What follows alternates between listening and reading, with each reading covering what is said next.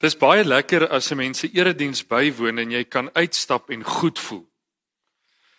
Dis so half amper soos 'n drug inspuiting wat jy kry. Of as dit so koud is, daai glasie sherry wat jy drink, daai warm gevoel. Dis lekker as 'n preek dit met jou doen of 'n erediens dit met jou doen. Moet lekker wees. Maar kom ons begin sommer vanoggend sleg. En dan hoop ons tog ons stap lekker hier uit. Ons moan vreeslik oor die toestand van die wêreld. Daar's min gesprekke waarna mens deelneem waar mens nie iewers kla oor die realiteit van die wêreld waarbinne ons leef nie. En die wêreld is 'n gemors. En dit word al hoe meer 'n gemors. En ons gaan al hoe meer redes hê om te kla oor hierdie wêreld en sy gemors. Maar kla bring ons nêrens nie. Die enigste manier hoe hierdie wêreld kan verander is as hierdie wêreld inkoop by God se droom vir die wêreld. Punt. Daar's geen ander manier nie. Hierdie wêreld sal nooit heel raak sonder God nie.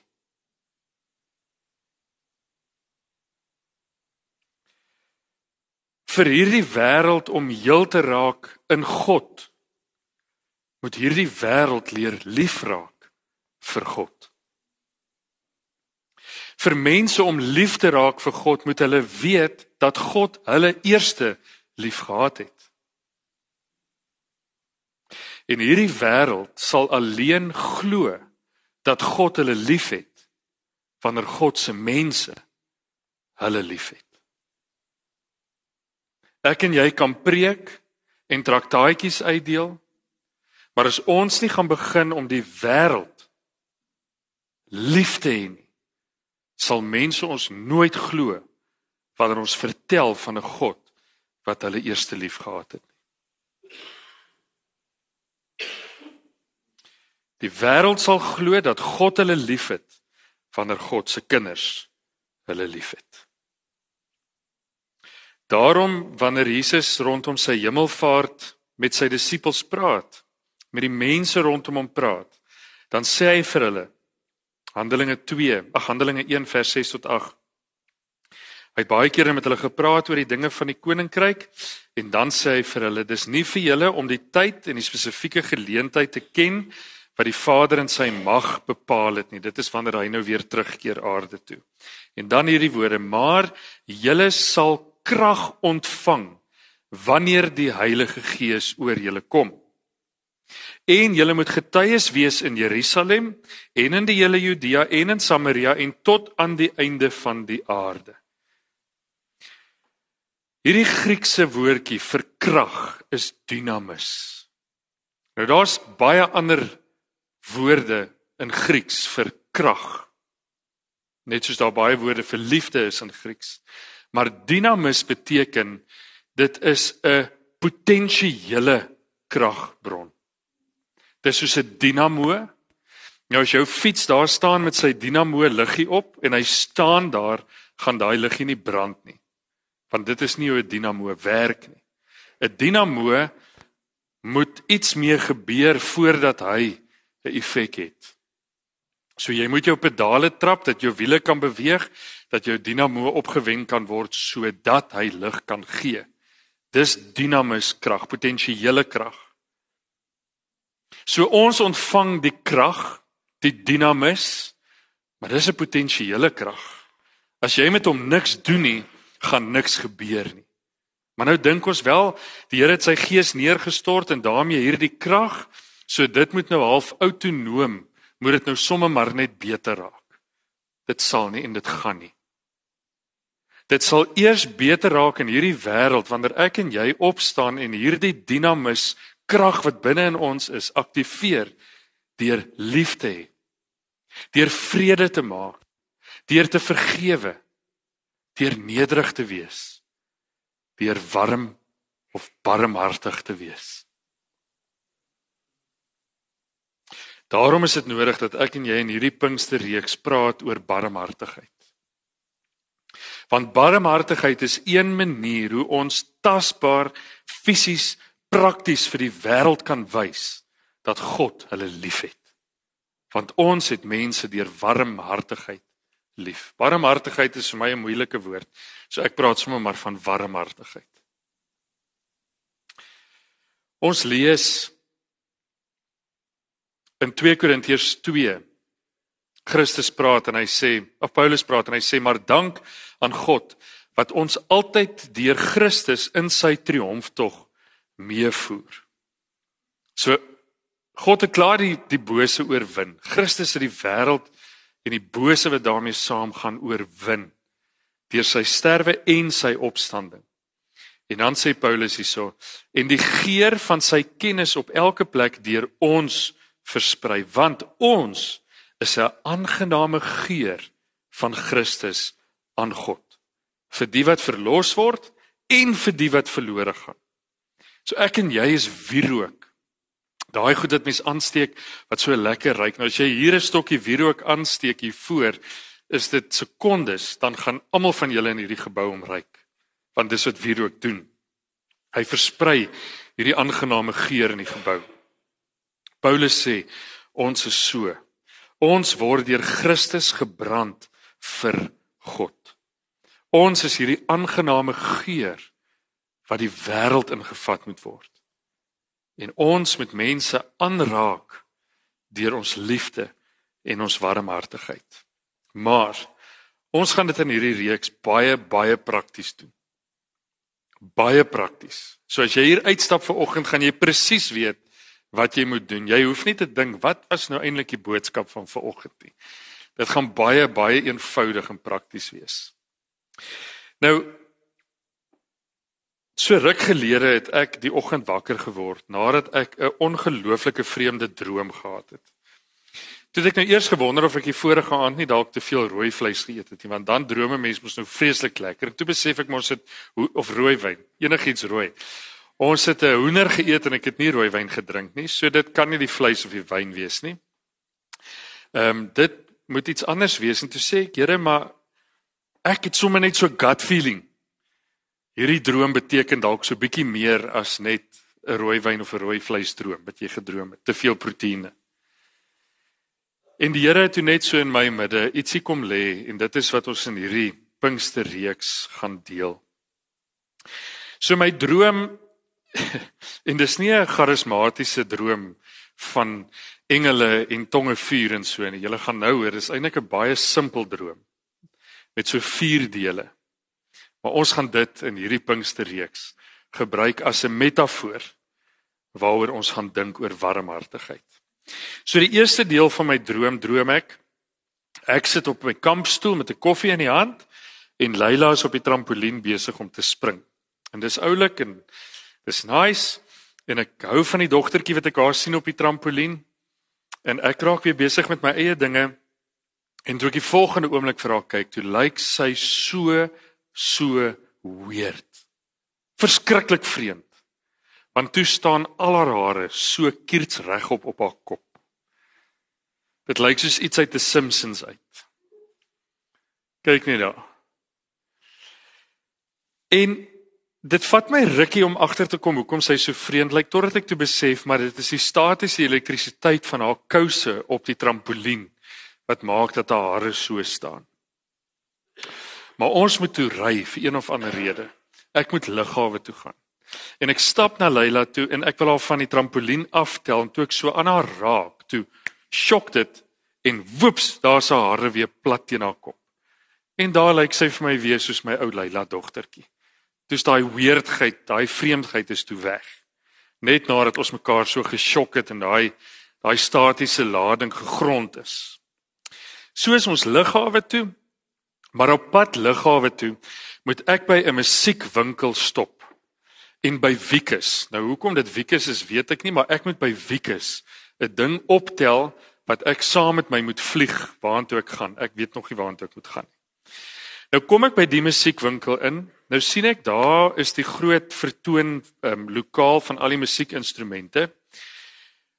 En ek moet nou iewers vir Wikus kry. En daar is 'n ouetjie wat ek vermoed dalk Wikus kan wees. Hy lyk sommer net soos 'n Wikus. Jy weet mos hoe lyk 'n Wikus, nê? Nee.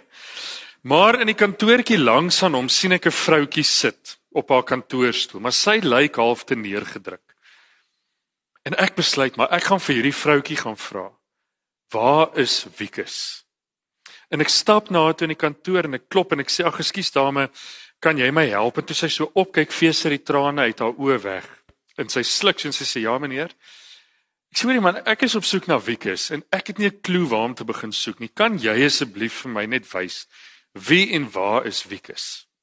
Ja, sekerlik meneer en sy sit haar selfoon in haar sak. Hier stap ons twee nou af in die winkel en sy vat my na Wikus toe en sy stel my voor aan Wikus. Maar wat vir my opgeval het in my droom was die oomblik toe sy wegdraai nadat sy my en Wieke se mekaar voorgestel het. Haar gesig het anders gelyk. Dit is so asof daar 'n stuk ehm um, fulfillment is 'n Engelse woord, 'n stuk tevredenheid oor haar gesig was, op haar gesig was. En toe besef ek dit moet wees omdat sy iemand kon help. Ek weet nie wat haar lewenssituasie was hoekom sy so hartseer was nie, maar hoe sy daar gelyk het in die kantoor toe ek haar kry en hoe sy gelyk het toe sy daar omdraai en terugstap, was nie dieselfde mens nie. Sy het beter gelyk. En ek vermoed nou maar dit is omdat sy die geleentheid gehad het om iemand te help. Ek kry toe die ding by Wikus, nou is ons lughawe toe. Kom in die lughawe, ons gaan check ons tasse in. Nou is al die sitplekke daar waar mense nou kan sit is gevat. En ons gaan sit sommer hier so aan die kant van die lughawe gebou. Gaan sit ons so half met ons rug teen die teen die ruit. En ons raak besig en ons gesels en ons kyk die mense en die volgende oomblik voel ek hier se hand op my skouer. En ek kyk so en dis 'n pikswart hand. Ou hand. En ek skrik my eers boeglam, maar toe ek so opkyk, toe is dit niemand anders as Bill Cosby nie. Almal wat lag ken vir Bill Cosby. Nou vir julle wat nou nog baie jonk is, Bill Cosby was 'n oom gewees wat 'n akteur was in 'n in 'n storie. Ehm um, op op TV gewees, The Bill Cosby Show. Was 'n komedie en hy's ook 'n komediant. Hy het later in sy lewe baie twak aangejaag, maar okay. Ehm um, Bill Cosby steek sy hand na my toe uit en hy gee my net so 'n druk op die skouer en ek sê vir hom, uh, "Can I help you?" Heel uit die veld geslaan. Hy sê, "No, I just wanted to come and greet you." En daar draai hy om en hy loop en ek hou hom dop terwyl hy loop en hy loop ver deur al die mense, al die sitplekke, deur al die stasietjies waar jy moet incheck en daar gaan sit hy weer daar in die VIP lounge. Deur ver van my af. En ek onthou so goed daai gevoel al was dit 'n droom. Daai gevoel van wow. Bill Cosby van Amerika het al die pad van die VIP lounge gestap. Sy hand op my skouer kom sit en net gekom om vir my te groet. Hy het my raak gesien. En dis al. Ek kan nie dink dat ek in my lewe al so belangrik gevoel het nie. OK. Ek sit weer uit die veld geslaan oor Bill Cosby. Maar nou sit ek soos wat ek baie lief is om te sit met my een been bo oor die ander ene. Sit ek so daar op die muurtjie. En kyk die mense. My pa het altyd vertel toe hulle groot geraak het in Kraddock het hulle niks anders gehad om te doen nie. Hulle het in oupa se kar gaan klim en daar onder by die park gaan trek en parkeer en dan het hulle al die mense gekyk hoe daar verbyry. Nou dis nou wat ek in die lughawe doen. Ons kyk die mense. En ek voel iemand vat hier aan my kous en toe ek so afkyk. Toe's dit iemand nou ek weet nie wie dit was nie, was die Bill Cosby nie, maar wat 'n klitsgras net so uit my kous uittrek en hom weggooi. En daar stap die persoon. En ek onthou die indruk wat dit op my gemaak het, want ek het nie eens geweet van die klitstuk klitsgras in my kous nie. En hierdie persoon het gekom en daai klitsgras uit my kous getrek want dit sou my 10 teen 1 verder vorentoe. As jy nou in daai boarding gate se queue staan, sou hierdie klitsgras my heel moontlik geïrriteer en geskaaf het. Ek wil sê dis 'n weird, absolute nie Christelike nie charismatiese droom nie. Maar dis my droom. En ons gaan hierdie 4 dele so 'n bietjie uitpak. Vandag, maandag aand 6uur, woensdag aand 6uur en dan afsluit sonoggend 9uur.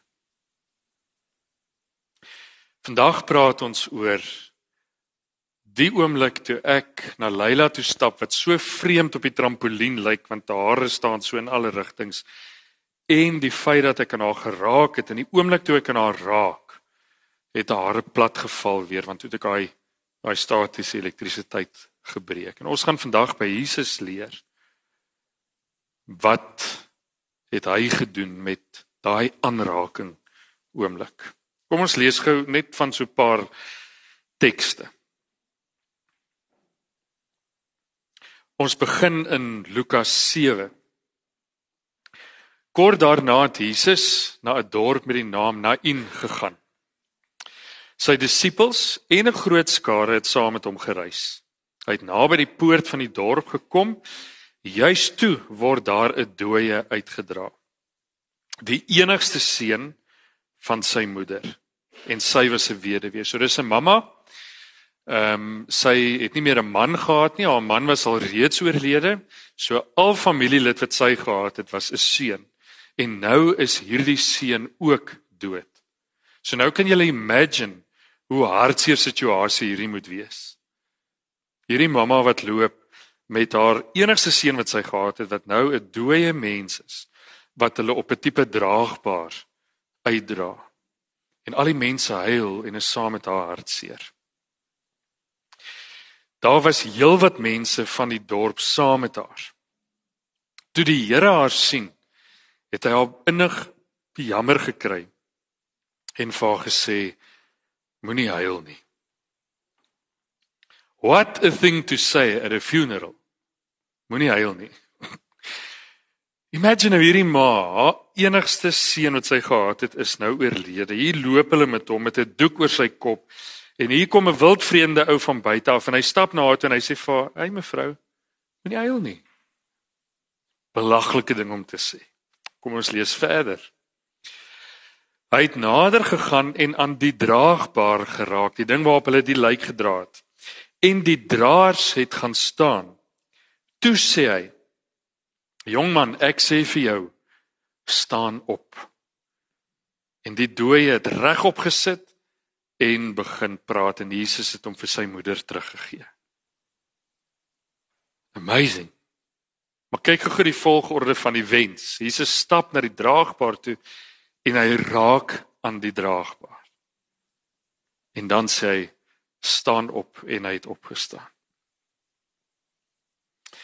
Lukas 5 toe Jesus in een van die dorpe kom, staan daar skielik 'n man vol melaatse swere Nou julle in die in die ou tradisie waarin die Jode geleef het, was melaatsheid soos wat vigs amper vir ons vandag is. Net erger. As jy melaatsheid gehad het, het jy sulke sere op jou lyf gehad, nie soos waterpokkies wat lyk soos muskietbyte nie, sulke groot sere wat blaase is en wat dis gaga. So as jy melaatsheid gehad het, het almal 'n kilometer rondom jou geloop. Hulle het nie naby jou gekom nie. Jy mag nêrens ingegaan het by 'n winkel nie. Jy mag nie na die kerk toe gegaan het nie. Jy mag nie na mense toe gegaan het nie. Die meeste van hierdie mense mag nie eers in die dorp gewees het nie. Hulle moes buitekant saam met die varke gaan bly of by die begrafplaas gaan bly, maar ver buite die dorp. So jy bly weg van 'n ou met melaatsheid. Jesus kom toe hierdie man met melaatsheid teë En toe Jesus hom sien, val die man plat op sy gesig voor die Here neer en hy sê: "Here, as U wil, kan U my rein maak?" Nou hulle het geglo melaatsheid was 'n onrein siekte, so hy sê eintlik Jesus asseblief maak my gesond. Wat doen Jesus? Hy het sy hand uitgesteek en hom aangeraak. You don't do that if you're a Jew. Jy gaan 'n groot moeilikheid kom. Kyk, as jy binne 20 meter van 'n melaatse ou net kom staan as jy al in die moeilikheid. Dan moet jy jou 30 keer loop was in die see. Nou gaan hierdie Jesus wat 'n Jood is wat weet hoe hierdie wette werk rondom melaatsheid en hy raak aan hierdie ou met sy sere. Nie handskoentjies aangetrek nie. Hy raak aan hom en gesê, hoor weer die volgorde. Ek wil So Jesus wil hom gesond maak en Jesus sê: "Ja, ek wil." word rein en sy melaatsheid het onmiddellik verdwyn. Nog 'n verhaal in Lukas 8 lees ons van die vrou wat aan bloedvloeiing gely het wat ook 'n siekte was soos melaatsheid. Dit was 'n onrein siekte. Mense het om haar ook myle geloop. Op pad daarheen het die skare Jesus verdring. Onder hulle was daar 'n vrou wat al 12 jaar lank aan bloedvloeiing gely het en reeds alles wat sy besit het aan dokters bestee, maar sy kon deur niemand genees word nie. Sy het van agter af nader gekom en die soem van sy boekleed, Jesus se boekleed aangeraak en haar bloedvloeiing het onmiddellik opgehou. En toe sê Jesus: "Wie het my aangeraak?" Toe almal dit ontken, sê Petrus: "Here, asseblief, die skare dring tog rondom u saam en druk teen u." Maar Jesus het gesê: "Iemand het my aangeraak want ek het agtergekom dat daar krag uit my vloei." Kyk die krag van aanraking. Mense word gesond. Dooies word lewend. Ons lees ook in die evangelies van die man wat doof en stom was. En Jesus sê nie vir hom op 'n afstand luister word gesond nie. Hy druk sy vinger in sy oor. Hy raak aan hom en dan kan hierdie man weer hoor en hy kan praat.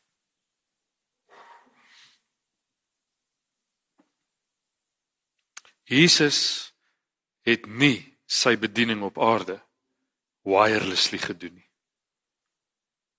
Ek en jy is deesdae behept. Alles moet net wireless wees. My foon is wireless. Ek kan die rekenaar wirelessly op 'n afstand beheer. Ek is gekoppel aan 'n klankstelsel. Hier's nie een draad aan hierdie ding nie. Ons is totally wireless. Maar dis nie hoe Jesus bediening doen nie. Dis nie hoe ek en jy bediening kan doen wirelessly nie. As ek kyk na hoe Jesus dit gedoen het, is aanraking deel van warmhartigheid. Ek onthou so goed met 'n Imagine kamp wat ons bygewoon het in die Noord-Kaap. Het ons in Botawil, ehm um, Hoeka by Nampo Park het ons gaan Imagine hou. Nou ek en Nadia Dominees daar en en klomp ander dominees van die Noord-Kaap, Anata, Neeltjie en Heinrich. Heinrich is baie ouer as ons. Hy's nogal 'n cool dominee. En Heinrich was ook saam met ons gewees. So nou op Imagine werk dit so jy het jou 4-5000 kinders, dan het jy groepleiers wat nou maar jong volwassenes is wat studeer of so. En dan het jy die dominees wat net so half oorsigtelik die ernstiger hartseere of wat ook al hanteer. So ek hou nogal van berading en Heinrich hou nogal van berading, so ek en hy is toe nou aangewys as die Noord-Kaapse beraders. So die eerste aand van Imagine is toe daar is daar 'n klomp kinders wat deur die groepleiers na die dominees verwys is. So nou kom van die kinders na my toe en van die kinders kom na Heinrich toe. Die volgende oggend na ontbyt is daar nou weer sessies waar jy met 'n beraader kan praat. Toe sien baie minder kinders by my en baie meer by Heinrich. Nou dink ek, julle klein twakke, daai ou is baie ouer as ek. Ek is die cool dominee hierso. Mm. -mm. Daai aand selfe storie, my queue raak al hoe korter. Almal gaan na Heinrich toe. Dink ek, wat wat is hierdie ou se sales gimmick? Hoe kry hy dit reg? En toe sien ek wat hy doen. Daai kind kom na Heinrich toe aangestap. En voordat daai kind nog met Heinrich begin praat, dan steek Heinrich sy arm na hom toe uit. En dan vat hy hom hier aan die elmboog of hy sit sy hand op sy skouer en sê vir hom: "Hallo, ek is Heinrich." Nou kyk vir die jy moet jy nie dit doen. As jy myne wil kwaad hê, dan moet jy nou my vat. I don't like it. Ek hou hier so 'n groot babbel hier rondom my. So as ek so jou staan en gesels en ek gee 'n treetjie terug, dis nie jou asem nie, hoor, dis nie jy nie, dis ek. Beloof jou. Maar Heinrich steur hom nie daaraan nie. Heinrich vat aan die kinders se elmboog, net om te sê ek het jou. Hy sit sy hand op hulle skouer. Baie keer kom haar kind aan by hom en hy praat nie 'n woord met daai kind nie. Hy hou net so vas. Dis hoekom sy queue so lank was. Want dit is hoe die kinders gevoel het. Ek gaan nou kei wees. Nie met my allerlei tegnieke rondom narratiewe berading en traumatic incident reduction en al daai goed hè. Nee. Al wat hierdie kinders gesoek het is net iemand wat sê ek is bereid om aan jou te raak. Jy's 'n tiener, jy's vreemd, maar jy's nie vir my te vreemd dat ek nie bereid is om aan jou te raak nie. En elke keer wanneer Heinrich aan 'n kind geraak het, was dit daai statiese elektrisiteit wat net so verdwyn. Dan is daar 'n koneksie, 'n wired koneksie tussen Heinrich en daai tiener wat nie woorde of berading nodig het nie. As jy aan iemand raak, gebeur daar iets in daai mens se brein. Daar word dinge vrygestel soos serotonien. Die antidepressie hormoon. Dopamien. Jou bloeddruk verlaag. Alles gaan met jou beter wanneer iemand aan jou raak.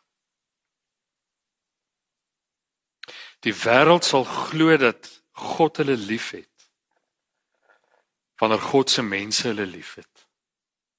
Maar die realiteit is dat baie van die wêreld en wie ook al en wat ook al die wêreld kan wees vir my en vir jou vreemd is. En ons doen nie goed met vreemdheid nie. Dit is vir ons moeilik om uit te reik na mense toe wat nie soos ons is nie.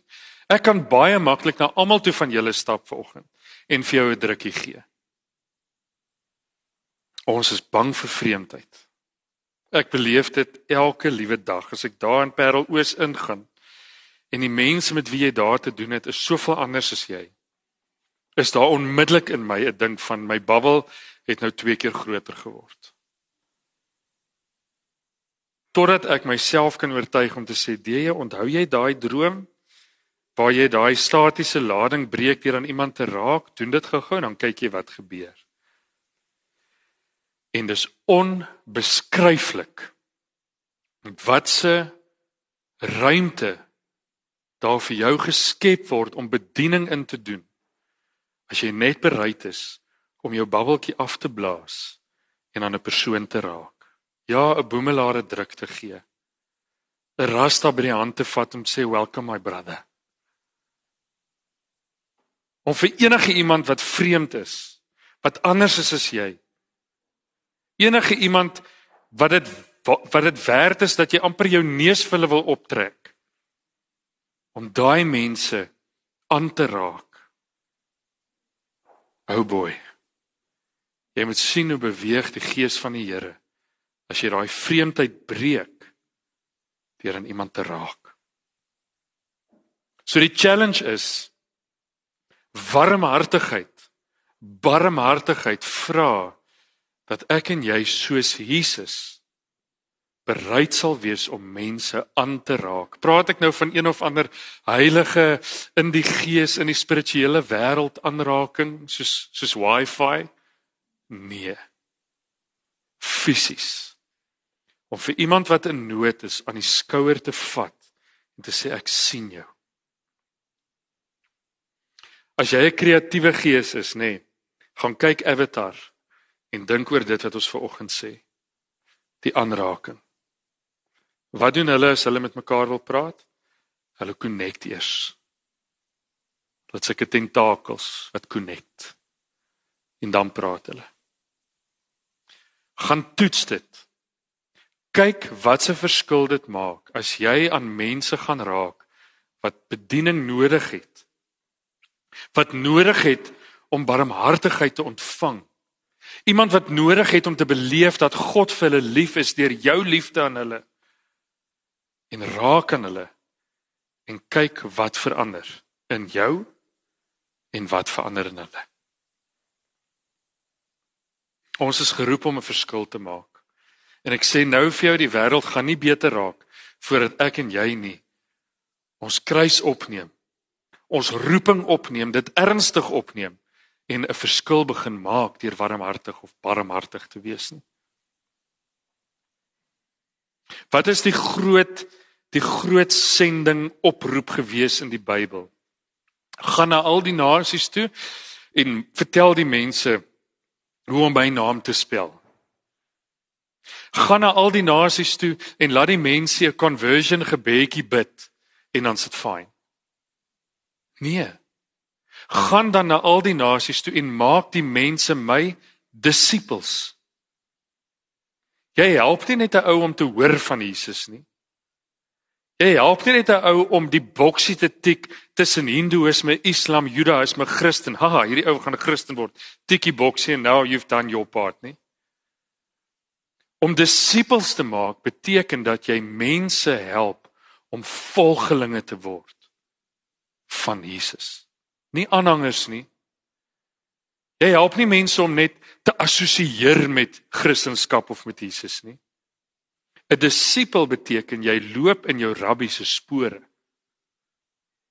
Disipels volg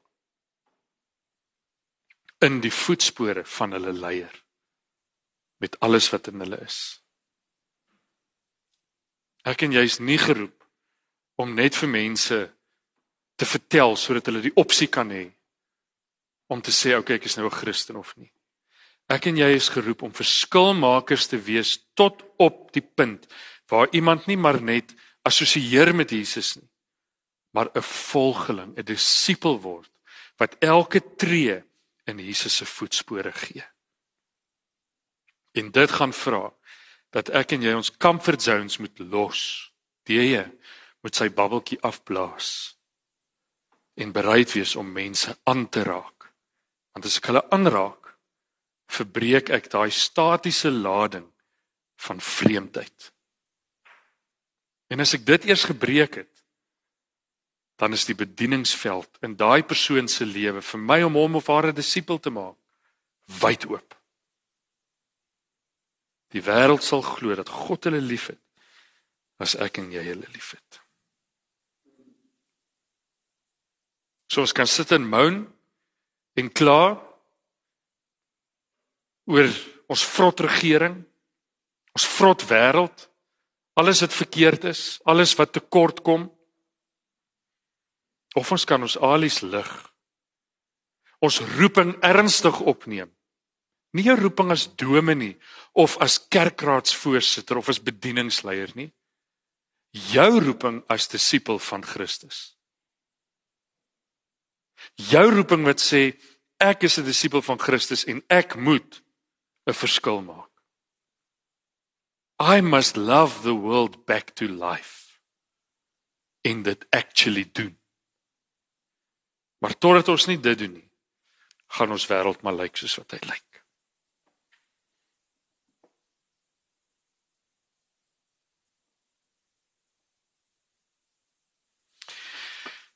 Ja, Here, hierdie is maar 'n moeilike ene. Dis lekker en maklik en gerieflik en veilig om vreemde mense op 'n afstand te hou. Dis maklik om na iemand toe uit te reik wat soos ek is. Dis maklik om hulle disippels te maak. Dis maklik om vir hulle iets te beteken. Dis maklik om wel warm of barmhartig te wees, intiem met iemand wat soos ek is. En dit is tot maklik om barmhartig te wees teenoor iemand wat vreemd is, maar dan wil ek dit wirelessly doen op 'n afstand. Ek sal 'n geldjie inbetaal in 'n organisasie se rekening of ek sal 'n traktaatjie gee of ek sal uit my karvenster uit 'n bruin papiersakkie gee met oorskiet, maar dis dit. Here ons sien by hoe u ge, geleef het en bedien het dat dit bietjie anders werk.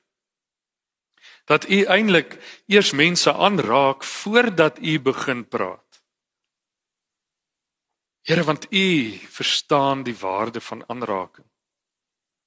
U verstaan wat dit in 'n mens doen wanneer 'n ander mens vir hom wys dat hy vir hom lief is deur hom net aan te raak omdat hy hom aanvaar as 'n mens. Here, Ons is so moeg en sat vir die gaga in hierdie wêreld, vir die goddeloosheid, vir die absolute verval. En ons moan daaroor en ons maak planne daaroor en ons stig kommissies. Maar Here, voordat ons nie gaan begin om ons roeping uit te leef nie, sal niks verander nie. Want ons is die wat die verskilmakers is. Ons is die mense wat deur Christus vir u gebrand word soos vuurrook om 'n aangename geur die wêreld in te dra. Elkeen van ons. Help ons Here om dit op te neem. Om hierdie verantwoordelikheid ernstig te vat. Om hierdie roeping wat elkeen van ons het, al is ons net 4 jaar oud of 80 jaar oud. Maar om hierdie roeping ons eie te maak en uit te leef. To love the world back to life.